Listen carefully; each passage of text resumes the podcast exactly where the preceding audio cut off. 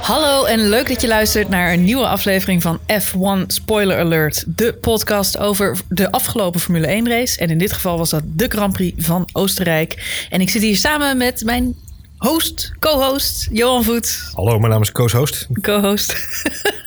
en mijn naam is Marjolein. En eh, het leuke nieuws is, wij waren de afgelopen zondag bij. Ja.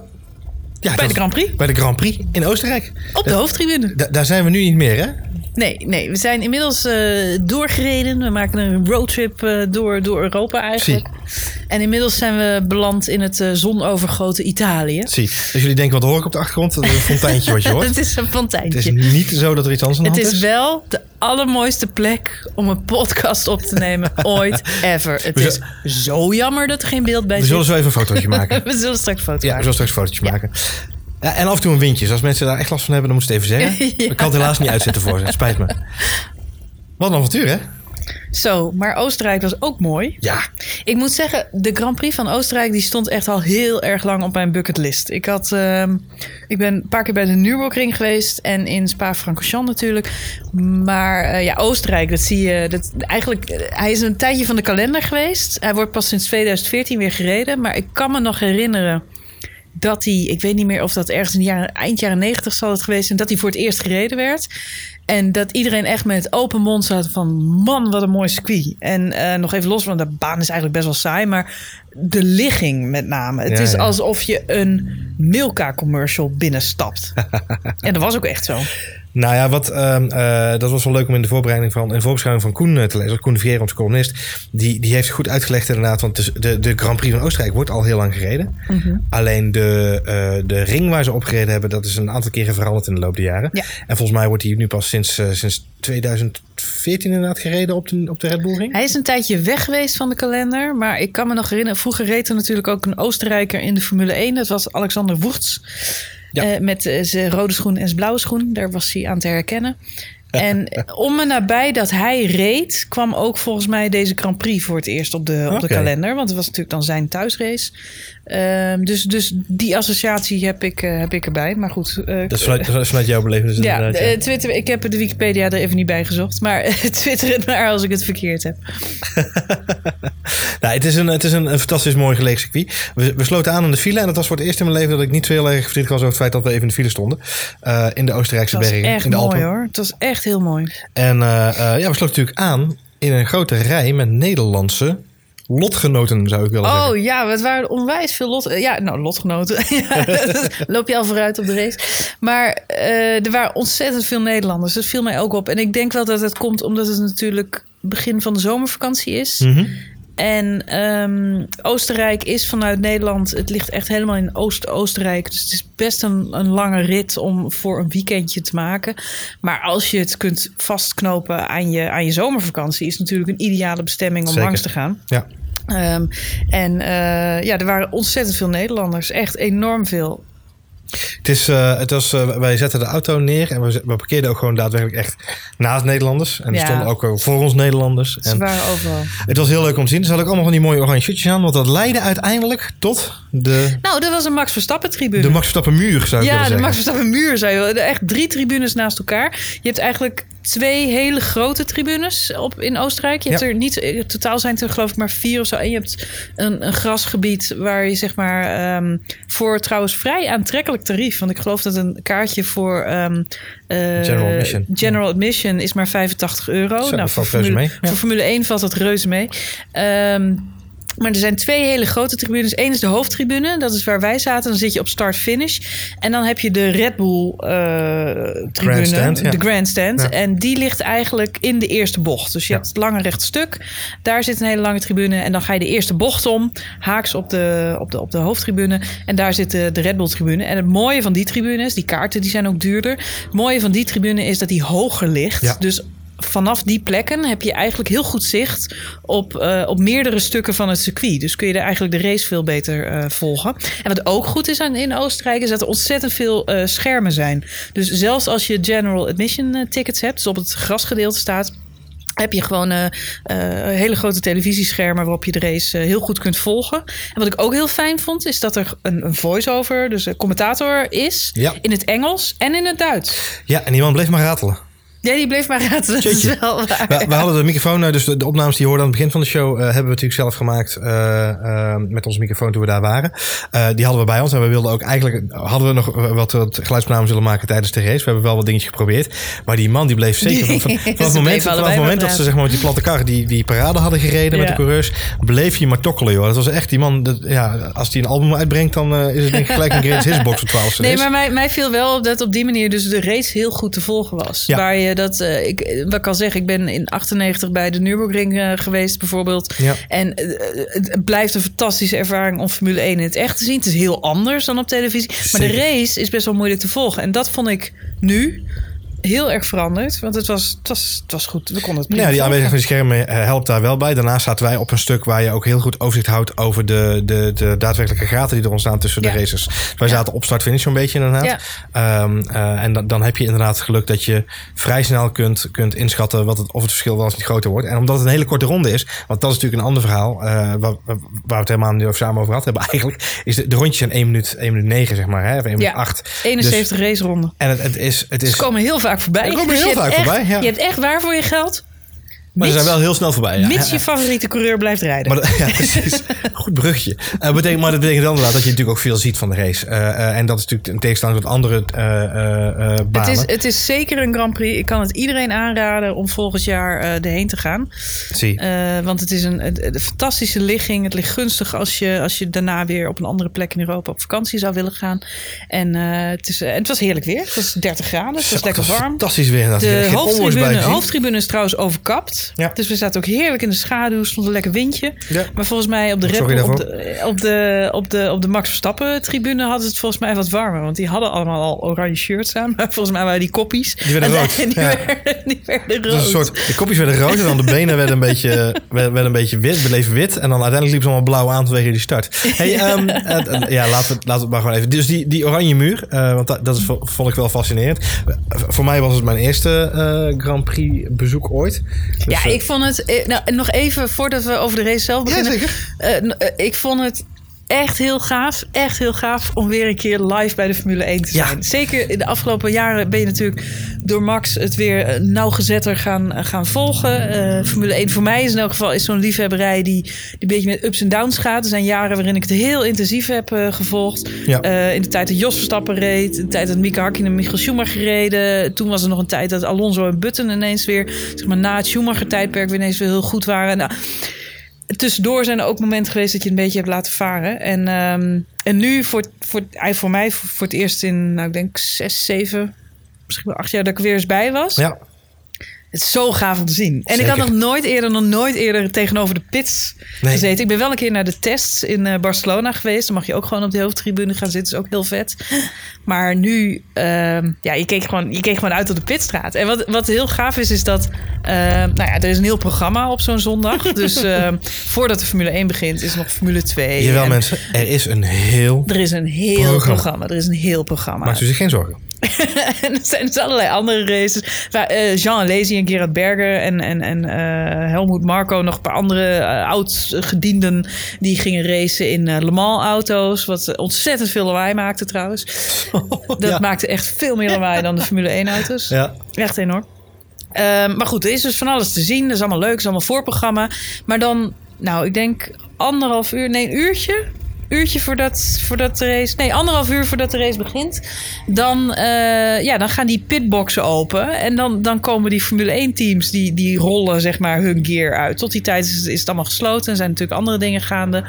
Maar vanaf dat moment. ehm, eh, ja, gaan, zie je die pitboxen. het spel hè? Ja, ja, wij zaten, wij zaten eh, eigenlijk redelijk achteraan op de grid. Mhm. Dus wij zaten eigenlijk bij de mensen die als laatste starten. Bij Alonso van Doornen, daar zo een beetje in de buurt.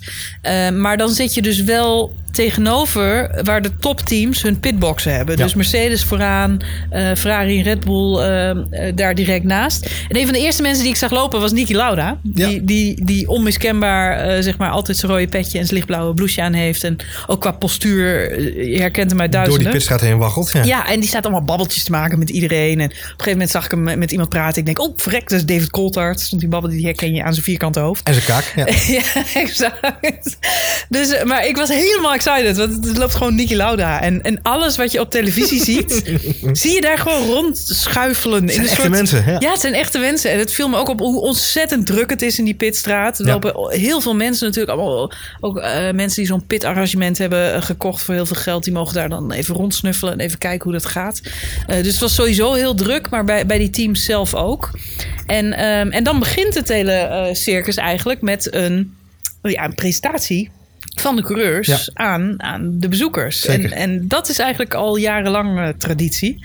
Dan gaan de coureurs op een, eh, ja, een plat wagen en dan worden ze rondgereden. In dit, geval, dan in, in dit geval, de plat- zwaaien in dit geval de platte kar inderdaad. Ja. Die zijn ook soms ook wel van die klassieke modellen. Soms van hebben ze hele mooie auto's. Ja. Ja, dat, dat was inderdaad wel. Ja, die, die hele pre-show is, eh, is, een, is een echt een, een dingetje inderdaad. En ik vind dat is ook wel een beetje het niveau nu. We kregen nu ook gisteren het persbericht door dat Formule 1 natuurlijk nu in Londen met een hele show gaat, gaat Vet. komen. Ehm, je ziet zo langzaam maar zeker die interviews ook vooraf. Het, oh, dat viel me trouwens op. Die, ze hebben geen interviews gedaan dit keer voor de race. Wel. Voor de race niet, nee. Tenminste, ik heb het niet gezien. Niet, de- niet, niet zoals ze dat zo knullig deden in de eerste. eh, en, en ook geen. Nee, ze zijn nog een beetje aan het onderzoeken wat werkt, wat Ik zag, niet ik zag geen tv, eh, want natuurlijk, we hebben natuurlijk de stunts meegemaakt met de, de, de verslaggever die geen bereik had met zijn microfoon. Nee, maar het was voor ons wel heel leuk om... om ja, klopt. Op Monaco was Ja. dat. Dat, eh, dat ging nergens over. Volgens mij hebben ze dat nu niet gedaan voor de race. Nee, wat wel leuk was, is dat je dus nu de interviews na afloop ziet. Want Ja. wij zaten echt recht tegenover het podium zo'n beetje. Ja. Dus we hebben de hele podiumceremonie, wat ook echt heel vet was, eh, om, om een keer gewoon champagne te zien spuiten. Zeker. Wij konden En, die zijn schoen bijna ruiken. Ja. Ja, maar ook om die interviews dan, eh, dan mee te krijgen. Hey, laten, we, laten we even die, want eh, Max stapt van die platte kar af. Ja, dat was het leuke. Er was een opwarmronde en de Red Bull Ring is natuurlijk een beetje de thuis Grand Prix van team Red, Red Bull, Bull. Racing Ja. en, en in zekere zin ook Rosso. Toro Rosso. Ja. Maar de twee Red Bull coureurs die besloten in die eerste bocht bij de Red Bull tribune om daar af te stappen en even een shout-out naar het Nederlandse Max Verstappen eh, vak te doen. Dus niet alleen Max, maar ook Daniel Ricciardo Ja, die ging mee. Heel tof. Die, ehm, die achteraf trouwens na afloop van de race ook nog zei eh, dat hij het zo jammer vond voor de Nederlandse fans. Ja. Dat die toch allemaal voor Max gekomen waren. Dat hij hoopte dat hij toch nog eh, een, duit in het zakje had kunnen doen met zijn Ja. podiumplek. Maar goed, ze stapten daar af en er waren een soort shotguns waarmee ze dan nog t-shirts en merchandise in het publiek mochten schieten. Dus dat liepen ze ook nog allemaal te doen. Ik vond het best opvallend, want mijn, mijn, mijn beeld van topsporters is toch altijd dat voor een wedstrijd echt volledige focus op wat je moet doen. Ja. Je zag ook die coureurs op die cars. Kimi Räikkönen, die werd nog even geïnterviewd. Die staat er gewoon met twee oordopjes eh, in zijn oren naar eh, heavy metal eh, te luisteren. Oh, ik dacht En, hij eh, heel erg naar klassiek luisterde. inderdaad. Ja. en die, en die, eh, die wordt dan nog even geïnterviewd. Maar je ziet dat hij zichtbaar een beetje geïrriteerd is. Omdat hij toch... eh, Maar dat is gewoon standaard. Dat is, zo, zit Dat zijn is standaard zo zit zijn gezicht gewoon, Marjolein. Dat is Dat gewoon- is standaard kiwi. Yes, maar, ja. Maar goed. maar ik, vond, ik vind het altijd leuk om die coureurs trouwens op die car wel te zien. Ja, Fernando Alonso, zeker. die zit helemaal achterop in zijn t-shirtje, zijn korte broekje. Lewis Hamilton had een hele hippe, knalrode, korte broek aan. Waren Ferrari rood zou ik willen zeggen, ja. Ferrari Ja. rood zou ik willen. Ja, Ja. klopt, ja. Nee, het was heel leuk om dat, om dat spektakel te zien. En, en dat is een beetje, want dat is wat, wat ik net ook wilde zeggen, is voor mij was het natuurlijk de eerste keer dat ik dit van dichtbij in het echt meemaakte. Het had wel meer showbiz dan vroeger. Nou, en dat is een beetje het verhaal, want dat, dat stuk is showbiz. Ja. En daarna is het al vrij snel ehm, eh, niet meer dan gewoon karten. Ik kreeg een beetje hetzelfde gevoel als op een kartbaan. Ik weet niet, ja, wel natuurlijk factor een miljoen, miljard keer groter. Maar onderaan de streep is het open wheel racing. Eh, eh, en is het gewoon, je ziet, ja, je ziet gewoon mensen in een auto stappen. En, eh, en, en ja, ze gaan gewoon zo hard mogelijk rondje rijden. En Het is, het ja, is zo basis. klopt. en zeker als je ze door die, erg- je ja. ziet ze op, op de Red Bull Ring zie je ze door die bocht heen komen. Je ziet de coureurs ook met hun nek bewegen, kijken en draaien. En dan vol gas. Je ziet ze echt, voor je gevoel trap je ook mee. Elke keer, ik weet niet jij dat ook al, maar ik trapte elke keer zo mee. Nou, boom, nu gas erop, weet je wel. Nou, wat jij net al zei, de race heeft, heeft 71 ronden. Dus je, hebt heel, je ziet ze heel vaak voorbij komen. Het is Ja. een minuutje en dan zijn ze er alweer.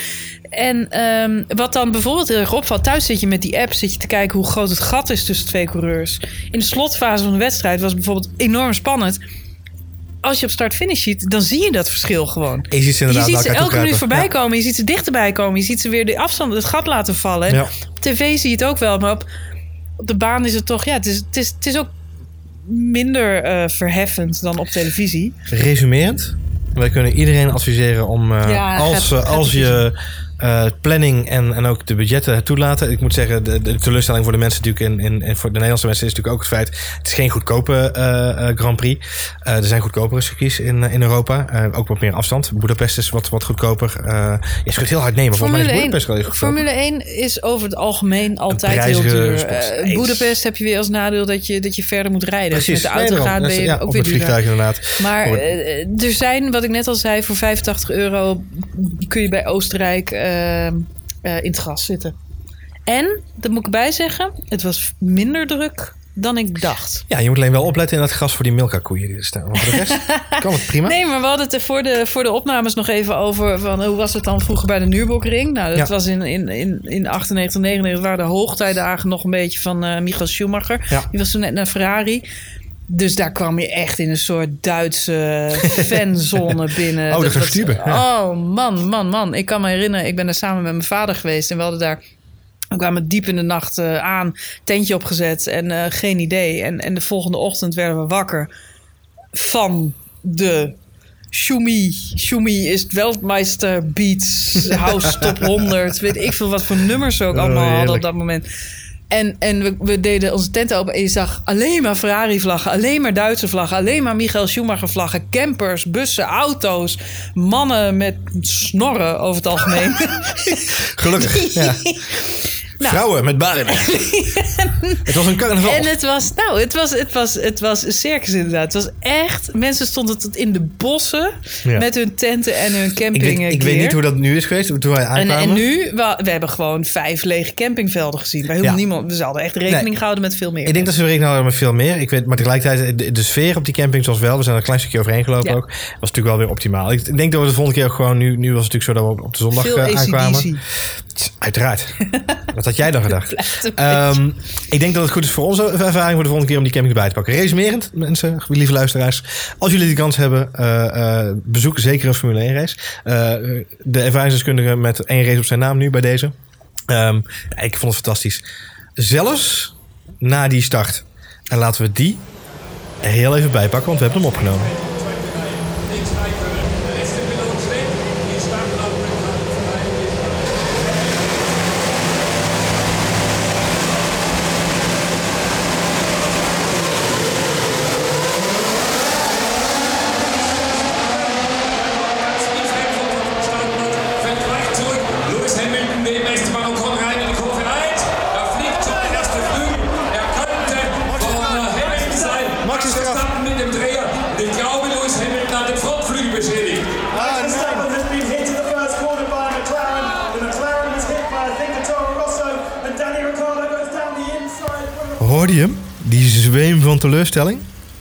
Ik, ik, ik kon het ook niet geloven. Ik heb eerst Nee, jij stond mij heel graag aan te kijken. Ik heb tien ronden lang in een soort unbelief op die tribune gezeten. Ja. Dat ik dacht van nee, hij komt zo weer terug. Terwijl ik kijk al honderd jaar Formule 1, dus ik weet dat hij niet meer terugkomt. Maar, gonna happen. maar ik geloofde het gewoon niet. En ik, ik weet nog dat ik voor die race ook zei van nou, hij, kan, hij gaat gewoon het podium plakken. Hij gaat, misschien gaat hij hem wel winnen. Gewoon omdat, omdat een soort optelsom... Ik denk, hij is nu al zo vaak uitgevallen. Ja, die gifbeker is leeg. Ja. precies. Deze race gaat het anders. Ja. En, en het kan niet erger dan de vorige races. Jawel, het kan nog erger. Max Verstappen valt uit in de allereerste bocht van het circuit. Voor zijn eigen fans. Ja, het is Oh, het is dramatisch, echt- dramatisch. Alanis Morissette kan er geen plaat over schrijven. Zo ironisch is het. 13.000 Nederlanders. Ja, En ik heb na afloop, eh, ja, echt mannen... Nou ja, ze, Nou, wat- wat ze opviel- zaten niet te huilen, maar het was wel sneu. nou, wat, wat me opviel is, ehm, eh, even los van die start, want daar gaan we zo nog heel even, even terug. Wat me, los, wat me opviel wel, en dat vond ik echt jammer, is dat vrij snel daarna ook de eerste mensen echt zoiets hadden na 10, 15 rondes. Oké, we hebben het gezien, we gaan. Eh, Ja. En dat is zonde, want dat vind ik toch, ehm, eh, ik snap het, als mensen nog terug naar Nederland moeten rijden, snap ik dat je dan maar denkt van, dan gaan we maar op tijd rijden, dan maar op Ja. tijd thuis. Maar het gaf wel een heel, heel desolate beeld ineens, want het was zo'n volle sfeer daar. En ineens zag je toch wat lege plekken ontstaan. Maar goed, ehm, wat wij niet wisten, en dat hoorden we natuurlijk pas, eh, pas iets later. ehm, Mhm. eh, we hoorden natuurlijk wel al vrij snel, eh, ook in de, in de, dankzij die charismatische reporters met hun microfoons langs de kant. Hoorden we al vrij snel dat het inderdaad een, een 1-2-3'tje was tussen Kvyat, Alonso Nou, en... eh, aanvankelijk hoorden we alleen maar dat Alonso Verstappen eruit Ja, maar ze kwamen er al vrij snel achteraan met, Ja. eh, met Fiat als bevestiging. Dat hadden ze vrij goed in de smiezen. Wat wij echter niet wisten. jij zei direct van, wat- doet hij daar? Hij had natuurlijk een dramatische start. Hij had een vreselijke start. alles te maken met zijn versnelling, zijn koppeling, sorry. Die, Ja, dus ik was eigenlijk de hele race nog een beetje pissig op hem. Omdat ik zoiets had van... ja, dan moet je beter starten. ja. Ja, wij hoorden pas na de race inderdaad van die koppeling. En, en Ja. jij had zoiets van, ja, waarom, hè, die starters ah, Ik snapte niet dat hij zo'n slechte start had. Dat was eigenlijk de reden dat hij überhaupt in dat achterveld zat. En pas na afloop eh, hoorden we wat er gebeurd Ja. was. Hij legt het zelf eh, eh, eh, vrij helder uit bij, bij Ziggo Sport eh, voor de camera. Ik, ik bleef zeg maar buiten gewoon voor de zekerheid dat ik niet werd geraakt. Alleen wat ik hoorde was dat Kvyat Alonso raakte en daardoor eh, Alonso mij. En daardoor toen werd ik op het wiel geraakt. En toen ging de koppeling... Je kan hem zeg maar 100% inknijpen. Maar omdat de druk in de motor heel laag was, ging over-engaged zeg maar. Dus eigenlijk meer dan 100%. Dus toen ging de lager in de koppeling kapot. Ja, toen bleef hij alleen maar slippen. Dus eh, had ik geen drive meer. Wat mij eh, opviel ehm, toen ik de beelden zag bij, bij Jack Ploy voor de camera van Ziggo Sport... is de uitgebreide moeite die Max Verstappen neemt om het probleem uit te leggen. En om uit te leggen waarom hij eh, die kant van de baan opzocht. Wij zeiden ook gelijk van waarom zit hij in die melee daar. Ehm, en dat deed, hij, dat deed hij expres voor mijn gevoel. Het leek als een soort van charme-offensief naar zijn team toe. Ook naar zijn mechanics. Om te laten merken, jongens, ik, ik ga het goed uitleggen. Natuurlijk de afgelopen paar keer was het pure frustratie die eruit kwam. En nu zat er misschien ook wel gewoon berustendheid in. Maar ook Ja, wel een soort uitleg. het, ik vond het eerder een vorm van gelatenheid die ik zelf eigenlijk ook voelde. Omdat de, de vorige race was hij onwijs teleurgesteld en onwijs boos. En de race daarvoor ook. En nu was er eigenlijk dat, wat jij net zei, het is bijna weer karten. Het is, je auto is stuk. En, Ja. en dus tik uit de wedstrijd. En nou, douchen en, en we gaan weer door. Wat een groot voordeel is, is dat er volgende week meteen weer een race is. Ja. Eh, dus dat geeft ook wel een gevoel van, nou, eh, carry on. En eh, we gaan het volgende Keep keer... calm, carry on. Ja, Heel we gaan het nog een keer proberen. Het moet toch een keer afgelopen zijn. Ja.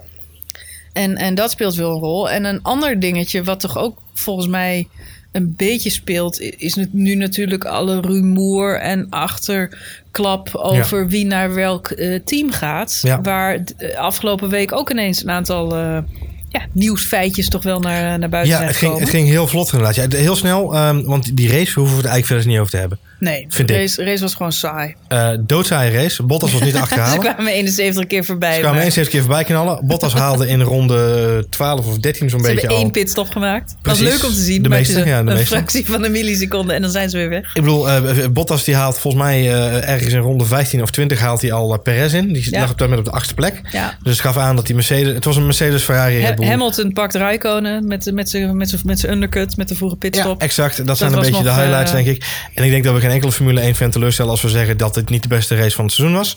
Nee. Ehm, het feit dat eh, een, een Danny Kvyat na zijn stop en go uiteindelijk op drie rondjes achterstand eindigt van de, van de winnaar, Ja. geeft aan eh, hoe groot de verschillen waren tussen Mercedes, eh, Ferrari, Red Bull en de rest van het veld. Klopt. Ehm, overigens wel props naar, naar Massa en Stroll. Die natuurlijk een dramatische kwalificatie hadden, maar uiteindelijk wel alle twee in de punten eh, eindigen. Die race is saai, maar deze hele week, de opbouw naar deze race was natuurlijk Ja, nou, we zijn weer wat dingen wijzer. En dat, kijk, vorige Grand Prix weet ik nog, dat hadden we het, zaten we een beetje te speculeren over wie nou naar welk team zou gaan. En ehm, eh, wat opvalt is dat de hele Formule 1 pers eh, ja, echt te doen heeft met Max Verstappen. Dat hij gewoon Ja. een slechte auto heeft. Christine Horner, die heeft er nu zelf ook over gezegd. Ze hebben natuurlijk met veel bravoure de Red Bull 13 eh, gelanceerd dit jaar. Eh, daar hadden ze geen eh, eh, bijsmaakje bij. Dat vonden ze gewoon eh, safe. Ik kan me herinneren dat Vettel ook ooit wereldkampioen geweest is. Ook in een auto of een Red Bull. Hij had rug nummer 13 toen, of rugnummer. eh auto nummer 13, ja. Exact. Dus ze hebben met veel bravoure hebben ze eh, dit gepresenteerd en gezegd van nou, hè, het unlucky for some and lucky for some.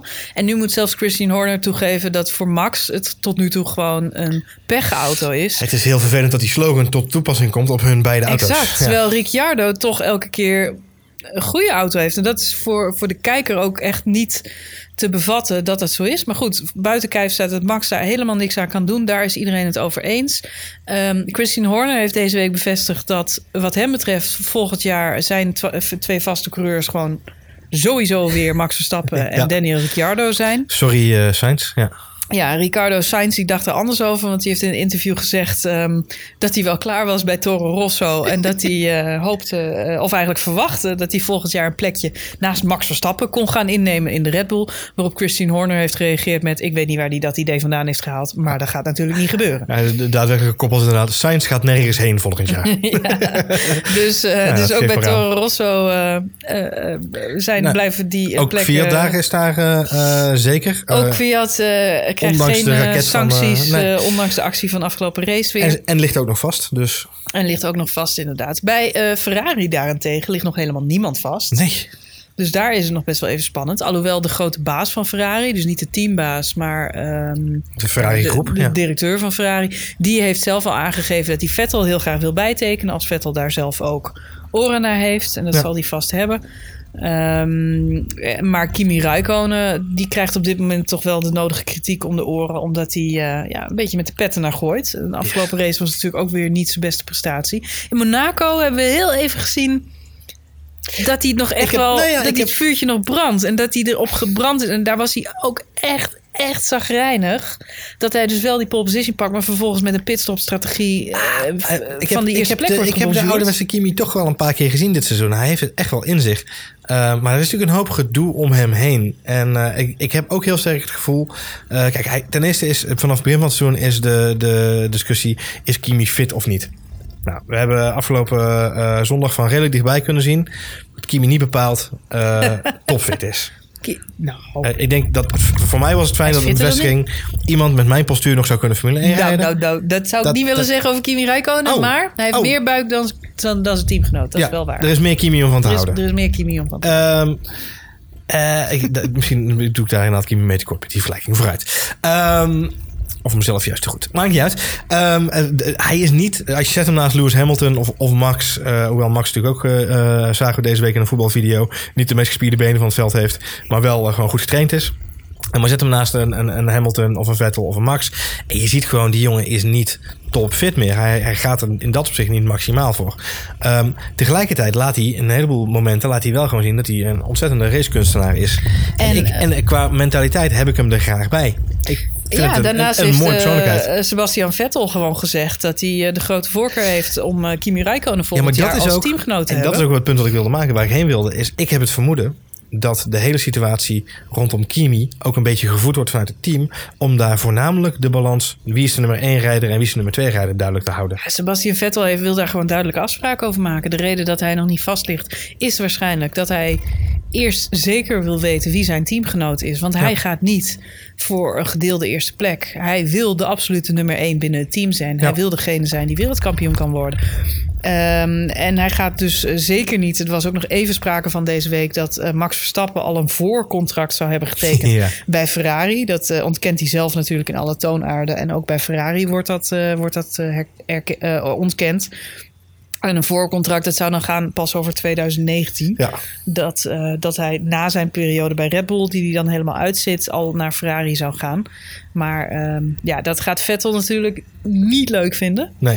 Dus, eh, dus dat zie ik ook nog niet zo snel gebeuren. Bij, bij Mercedes eh, is het natuurlijk ook nog een heel ander verhaal. Want dat moeten we nu na deze Grand Prix wel vaststellen. Valtteri Bottas is gewoon een serieuze titelkandidaat. Zeker. Die doet gewoon mee voor, voor, voor, voor het wereldkampioenschap op dit moment. Op dit moment zeker weten. Die heeft een ontzettend sterke derde plek. Ik geloof dat hij nog met 20 punten achter staat op eh, Lewis Hamilton. En eh, hoor. Vettel die zit daar dan weer iets boven. Maar alle drie maken ze nog een dikke vet kans op, eh, op de en titel. het hele weekend in Oostenrijk ongenaakbaar. Niet te betrappen op een eh gekkigheidje. En dat is eh, typisch Vins, laten we het vooropstellen. Vanaf, eh, we hebben natuurlijk uh, Rijkonen, Hakkinen eh, meegemaakt. Wat ook ty- typisch uh, is. Rijkonen is uiteraard de uitzondering op de regel. Die heeft af en toe van die flamboyante momenten. Maar in principe, de, de Finse koelbloedigheid zit in hem wel heel erg sterk, vind ik. Ah, hij heeft gewoon een goede auto. En hij heeft, een, uh, hij heeft de goede kop, om het zo maar even te zeggen, uh, erop zit op dit moment. Hij, hij zit met de juiste mentaliteit erin. Iedereen had hem afgeschreven. Uh, maar één jaar contract en volgend jaar ook, komt er iemand anders. Ja, iedereen maar, in het begin een beetje twijfel. Bij maar, ook, tussen ik ook, laat ik zo zeggen. Ja, omdat, zo, iemand moet zich eerst bewijzen. Bij Williams was hij trouwens ook natuurlijk de eerste, de nummer één coureur binnen het team. En nu ja, leek hij zich toch een beetje te moeten gaan settelen in een nummer twee positie. Het contrast kan niet groter zijn. Tussen de Nee. flamboyante ster eh, Lewis Hamilton... en eigenlijk de hele down-to-earth, introverte eh Finn die, die Bottas eh, is. Ja. Maar heel sneaky, zonder dat hij ja, vijanden maakt, lijkt het. Want hij rijdt niemand van de baan, hij zit niemand in de weg. Hij doet gewoon keurig zijn ding. Ja. Hamilton kwam er gewoon niet aan te pas afgelopen race. Zat Nee. nog heel even dicht op Ricciardo. Had wel wat problemen met de auto, gaf hij zelf aan. Maar kwam gewoon niet in de buurt van, eh, van het podium uiteindelijk. En Bottas, eh, die trekt de lange neus. En eh, zegt, heel ik, doe, sterk ik doe gewoon mijn ding. Het geeft heel sterk aan hoe makkelijk het team van, voor mijn gevoel, hoe makkelijk het team van Hamilton het de afgelopen jaren heeft gehad. Dat hij nu, nu dat hij onder druk staat, dat er zoveel dingen misgaan En ik in vind het vleugels heel- en afstellingen. Ja, maar ik vind het heel sterk van Mercedes... dat zij heel nadrukkelijk niet kiezen voor zo'n plek 1 en Geen plek 2 in teamorders, het team. Nee. Geen Geen teamorders. En eh, bij Ferrari staan ze natuurlijk onbekend. Het is altijd al een beetje een team geweest met, eh, met dat soort tactiekjes. Oh. Maar bij, Merce- bij Mercedes beginnen ze niet aan, willen ze er niks van weten. En eh, Hamilton die moet maar gewoon zijn best gaan Sterker doen. nog, de, de, de, de grootste teamorder van Ferrari die zo overduidelijk was, was op, in Oostenrijk. Barrichello en eh, Was Schumacher. dat op Oostenrijk, was ja? Oostenrijk, ja. Man, man, man. Ja, nee, dat, eh, dat, eh, Ferrari staat gewoon bekend. En eh, vandaar dat het ook logisch is dat Kimi Räikkönen daar ja, nog steeds wel genoemd wordt. Overigens, de naam van Alonso, die ging ook nog even over. Wij hadden het eh, eergisteren ook nog even over. Alonso, ja. Hoe vet zou het zijn als Fernando Alonso terugging naar Ferrari? Fernando, ja, te Dat gek. zou ik echt te gek vinden. Hij is toch twee jaar jonger dan Kimi. Scheelt een hoop. Hij ziet er een stuk fitter uit als je zijn Instagram checkt. Dus Waarom zit jij de Instagram van Alonso te checken? dat weet ik niet. Dat doe ik zo nu nog. Ah, is, eh, research. Dan. Ja, ja. Maar eh, hij heeft een hele leuke jonge Italiaanse vriendin. Dus eh, Oh, dat weer. Oh, ja, nou. Hij doet. eh, hij, eh, ja. Eh, maar goed, hij, ehm, hij zou mogelijk misschien nog wel eh, weer eens bij een topteam kunnen rijden. Maar Ferrari heeft gezegd dat ze vooralsnog niet geïnteresseerd zijn. Nou, het is toch, ja, het- ik voelde, ik voelde heel even alsof- je de Evert Santegoeds van, eh, van de Formule 1 wereld ging worden. ik weet er van alles Het een mooie sidestep dit, maar ik was heel even bang. Nee, goed dat je hier weer, eh, weer in steunt. Nou, ik weet nog wel een ander roddeltje te vertellen uit de pitstraat. En dat is dat eh, bij Prost werd ook even gepolst. Of hij misschien weer terug naar Ferrari Renault. wilde, maar hij had geen zin om te rijden. Prost had geen behoefte meer, die was er klaar mee. Prost werd ook even gepolst. Ja, ja, als Kimi kan rijden, kan Prost het vast ook nog Ik denk wel. Prost dat nog sneller kan op dit moment, ja. Ja, of misschien komt Alesi weer terug. Dat zou toch mooi zijn. Hè? Nou goed. Ehm, nee, bij Prost werd even de vraag neergelegd van... Goh, in hoeverre komt, is Alonso daar nog in de picture... om weer een terugkeer bij Renault te maken? Het team waarmee hij ooit ver, ver verleden... twee keer wereldkampioen is geworden. Ehm, maar eh, Prost zei dat hij dat eh, heel graag eh, zou willen. Dat hij in alle opzichten Alonso terug zou willen hebben voor dat merk. Maar dat hij Alonso volgend jaar geen prijswinnende auto kan bieden. Nee. En eh, hij zegt voor Alonso is dat een voorwaarde, want die gaat eh, voor de winst. En moet wat dat betreft is hij dan eh, bij ons eh, volgend jaar aan het verkeerde adres. Dus dat vond ik een hele beleefde, charmante, Franse manier Om de deur dicht te om gooien. de deur dicht te gooien. Hier heb je een croissant, mond dicht. Dus Ehm, Alonso gaat niet naar Renault en ook niet naar Ferrari. Ah, het is, het, ik, ik hoop dat Fernando nog een mooie stap kan maken. Want ik vind het Ik- wel. ik hij is het 35 nu. Ehm, ik hoop dat hij nog twee jaar zou kunnen doorrijden. Net zoals Kimi. Ehm, zeg maar tot zijn 37, Maar dan 38. wel bij maar dan nog wel even bij een goed team. Want als je ziet wat hij uit die auto weet te halen af en toe. Dan denk ik, jongen, jongen, jongen. Het is toch zonde dat die man maar niet ergens vooralsnog eh, kansloos met twee punten onderaan de bizar. wereldkampioenschap. Te bizar voor woorden. Ja. Hey, ehm, eh, voor dat eh, Ferrari-stoeltje, want mensen, en, ik weet niet hoe jij het inschat, maar ik vermoed toch dat Kimi eh, volgend jaar veel, veel meer tijd heeft om te gaan rallyrijden en Metallica-concerten te bezoeken. Ehm, en te gaan ijshockeyen en voetballen, dat doet hij ook allemaal. Ehm, ik, ik, ik weet niet hoe jij daar eh, tegenaan kijkt, maar de namen die ik heb gewoon voorbij horen komen afgelopen week waren ehm, Sergio Perez. Ja, Die natuurlijk nu furoren maakt in die Pink Panther eh, car van ze. en inmiddels ook boven Max Verstappen in het kampioenschap. Hou. Dat, dat moeten we nog even corrigeren, dat dingetje. Maar daar hebben we nog een paar races voor te gaan. Eh, en de andere is eh, niemand minder dan Romain Grosjean. Als we het hebben over croissants. Ah, Romain Grosjean. een nieuwe Fransman bij Ferrari. Een nieuwe Fransman bij Ferrari. Dat lijkt me een fantastische combinatie. Ehm, het leuke is, hij werd een interview, want dat, dat doen ze dan toch wel weer, ook bij de Formule 1 eh, zelf uh, stoken ze dat vuurtje lekker op. Dus Romain werd gevraagd of hij het leuk zou vinden om een vrijheid rijdt. Zei hij ja, ik stel me graag beschikbaar voor het stoeltje. Maar ja, ik denk dan bij mezelf, vraag aan 16 coureurs op dit moment of ze het leuk zouden vinden om in een Ferrari te rijden. En ik denk dat ze 16 jaar zeggen. Eh, dus dat, dat moet wel goed komen, denk ik. Maar ik, ik zie, ja, het Grosjean zou wel spektakel zijn. Ja, dat zou een spektakel zijn. Hij- als hij op, maar, op eh, zich, het is wel handig, want dan kan hij zijn anger management boekje meenemen voor Vettel. Ik wou net zeggen, dan kan hij Dan kunnen ze Vettel- samen even mediteren voor Vettel misschien wedstrijd. even introduceren aan zijn mental coach. Dan, eh, Ze samen even een headspace sessie dan doen. kunnen ze samen even Hey, in ik, ik heb dus een appje, Sebast, ik heb een appje. En eh, als je daar word je heel rustig van. Misschien moet je dat even opzetten.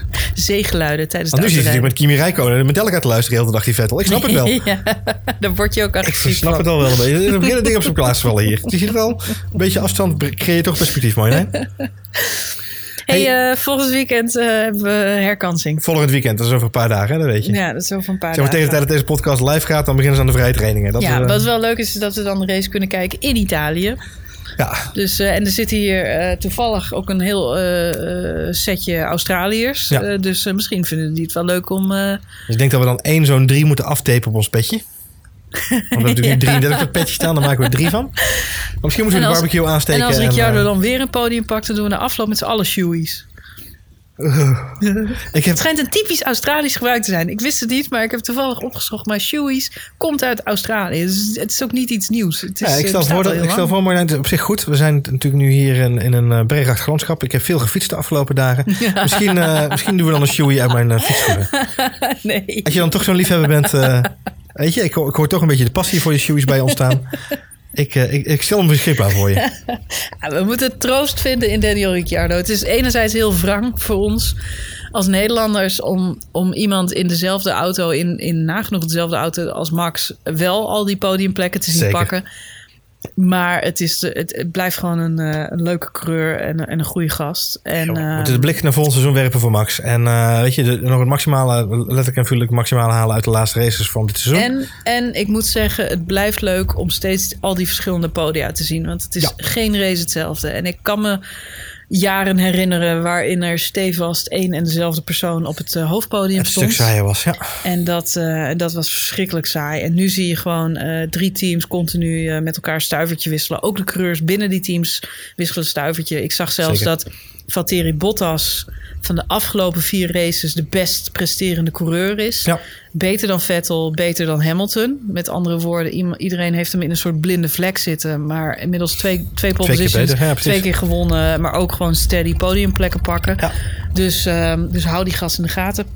Dus het is gewoon, het is overal is het een spannend seizoen. Alleen voor ons Nederlanders is het een beetje ruk.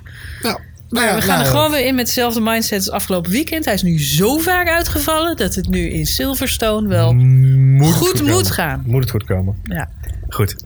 Hey, we gaan, eh, we gaan eh, ons voorbereiden op die race. Mocht je tot die tijd vragen of opmerkingen hebben, dan eh, kan natuurlijk altijd via de Twitters. Je kunt reageren naar Ed Marjolein. Ed Marjolein. Kijk, ik ben Ed Johan Voets. Eh, wat we leuk zouden vinden is eh, als je ons even een, eh, een reviewtje geeft in de Apple Store. Ja. Dat is niet alleen omdat we heel graag van jullie willen weten waarom, wat jullie van onze show vinden. En van ons, van ons slapgelul over Formule 1 auto's. Eh, maar ook omdat het ons helpt om nieuwe mensen te, te, vinden die ons, ons kunnen gaan luisteren. Ehm, dus laat ons vooral even weten wat je van vindt. Laat een ratingje achter. Ehm, mocht je vragen, opmerkingen hebben, gooi ze over de Twitters. Ehm, Ja. En houd nummers.nl in de gaten voor de volgende update.